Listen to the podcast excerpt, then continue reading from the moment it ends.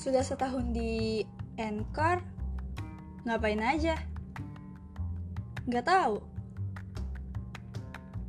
Jadi teman-teman aku sedang resah sama pikiranku sendiri karena sampai saat ini aku belum nemu nyaman. Nyaman apa? Nyaman cara aku berpodcast. Loh, jadi yang kemarin-kemarin gak nyaman? Nyaman, tapi kurasa harus ada yang berubah. Harus ada progres. Dan hal yang kuresahkan itu adalah persona. Di mana bagaimana cara aku menyampaikan hal-hal yang ingin aku sampaikan itu masih belum yang aku mau gitu loh. Loh kok gitu padahal kamu sendiri yang nyampein. Iya, tapi aku belum tahu caranya. Aku belum dapat feel-nya ketika aku dengar kembali, ketika aku menelaah kembali, aku selalu nemu kurang. Ya tentu saja nggak ada yang sempurna tapi aku selalu mau ubah ubah. Aku selalu mau progres. Tapi selama satu tahun ini aku nggak nemu progres. Dan pada akhirnya aku sadar aku dapat satu masalahnya. Aku belum nemu persona aku. Aku belum nemu persona saat aku podcast persona it means bagiku itu seperti ciri khas kita menyampaikan cerita Contohnya kayak Kasana. Kasana itu punya podcast namanya Rintik Seduh. Dan aku pertama kali terinspirasi podcast itu dari dia. Dari dia. Lanjut Bang Radit, Raditya Dika. Dia juga memiliki persona bagaimana caranya dia menyampaikan hal-hal yang kata-katanya ringan dan enak didengar gitu. Ada satu dua temanku bilang kalau podcast kamu tuh bagus. Dan aku terima kasih tapi aku rasa belum cukup. Satu tahun ini aku mau coba mencari persona.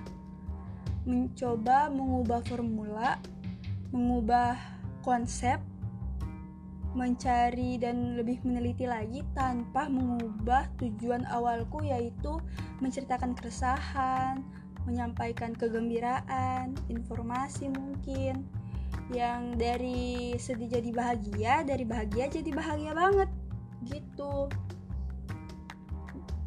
Karena akhir-akhir ini aku suka sekali tekan record, terus rekam, terus hapus. Gitu aja siklusnya. Sampai aku sadar kalau gini terus aku nggak bisa rekaman lagi. Karena aku selalu pikir pas bilang hai teman-teman apa kabar? Kok rasanya nggak bosanin ya? Kayak kayaknya nggak gini deh. Kayaknya harus cari cara yang lebih friendly lagi deh. Atau nggak kaku-kaku amat deh karena aku sadar loh. Aku sadar kalau podcastku itu lumayan baku. Yang karena memang pada awalnya aku utamakan uh, konsepnya gitu sih apa yang aku mau bicarakan ya aku sesuaikan. Gak mungkin aku cerita yang sedih aku nyampainnya gembira gitu. Tapi pada saat ini aku jadi resah. Aku lagi cari bagaimana cara aku menyampaikan bagaimana ciri khasku untuk menyampaikan suatu hal agar kalian tuh ngerti kalau ini tuh aku yang cerita gitu. Dan karena sudah setahun podcast ya aku perlu progres. Aku nggak bisa ngestak aku tipikal orang yang nggak mudah bosan tapi agak jenuh kalau melakukan formula yang sama terus apalagi setahun penuh dan caraku untuk bisa berkarya lagi caraku untuk bisa ngerekam lagi ya dengan cara mengubah formula. Yang sampai sekarang aku masih bingung gimana caranya aku dapat itu gimana caranya aku dapat persona bagaimana caranya aku dapat jati diriku di podcast.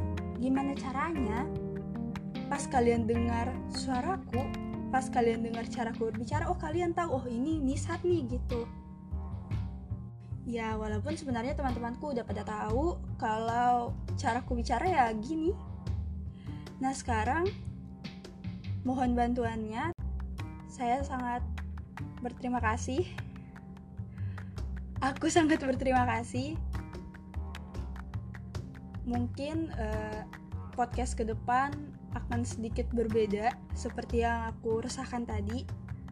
Karena aku masih mencari mencari yang mana bagus yang mana nyaman